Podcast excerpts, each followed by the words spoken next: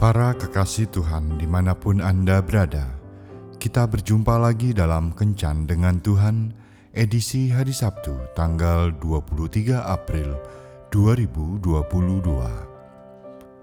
Dalam Kencan kita kali ini kita akan merenungkan ayat dari Matius 6 ayat 24. Tak seorang pun dapat mengabdi kepada dua tuan, karena jika demikian, ia akan membenci yang seorang dan mengasihi yang lain, atau ia akan setia kepada yang seorang dan tidak mengindahkan yang lain.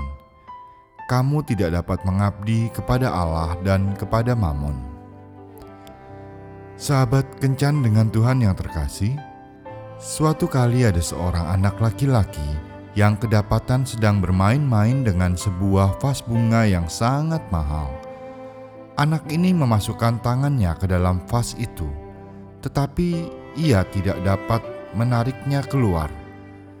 Ayahnya berusaha keras menolongnya, tetapi semua usahanya sia-sia. Keduanya murung karena tidak rela memecahkan vas yang indah itu. Lalu sang ayah menarik nafas dan berkata, "Sekarang, anakku." Kita coba sekali lagi. Buka tanganmu dan luruskan jari-jarimu seperti yang ayah lakukan. Lalu tarik. Yang mengejutkan adalah si anak menjawab, "Tidak, ayah. Saya tidak mungkin meluruskan jari-jari saya seperti itu.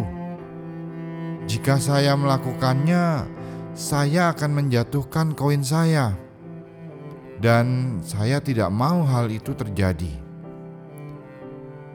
Seperti anak kecil tersebut, kebanyakan dari kita sering bertindak seperti itu. Kita begitu sibuk memegangi recehan yang tak berharga, sehingga kita tidak dapat menerima kebebasan. Terkadang kehidupan di dalam dosa dianggap sebagai suatu harta yang sebenarnya telah membutakan mata rohani kita. Padahal, sebagai pribadi yang telah hidup di dalam Kristus, kita telah dimerdekakan dari segala bentuk kutuk dosa. Namun, yang menjadi kesulitannya adalah kita tidak rela melepaskan sesuatu yang kita anggap berharga dan lebih memilih hidup dalam kesesakan karena ikatan dosa yang memberikan kenikmatan sesaat. Adalah hal yang sulit jika kita harus rela melepaskan prinsip duniawi dan sesuatu yang telah menjadi pegangan atas hal-hal yang kita sukai dan kita anggap berharga dalam lingkaran dosa tetapi bukan berarti itu tidak bisa. Yesus berkata bahwa kuasa dalam diri kita yang kita terima dari Tuhan, itulah yang memampukan kita untuk melepaskannya, sehingga kita bebas dari belenggu dosa. Kemerdekaan sejati akan menjadi milik kita jika kita berani melepaskan genggaman yang tidak berharga di mata Tuhan. Semua kembali ke diri kita sendiri. Pilihan di tangan kita. Apakah mau melepaskan atau tidak? Hal yang sama pernah dialami oleh perempuan Samaria yang mengalami perjumpaan dengan Yesus. Setelah berjumpa dengan Yesus, ia melepaskan prinsip hidup dan semua genggaman masa lalunya dan melangkah dengan hidup baru yang Tuhan karuniakan.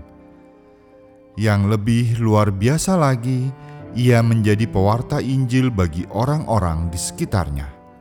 Begitulah kehidupan. Kita bisa menjadi lebih baik jika kita menyerahkan hidup kita ke dalam tangan Tuhan.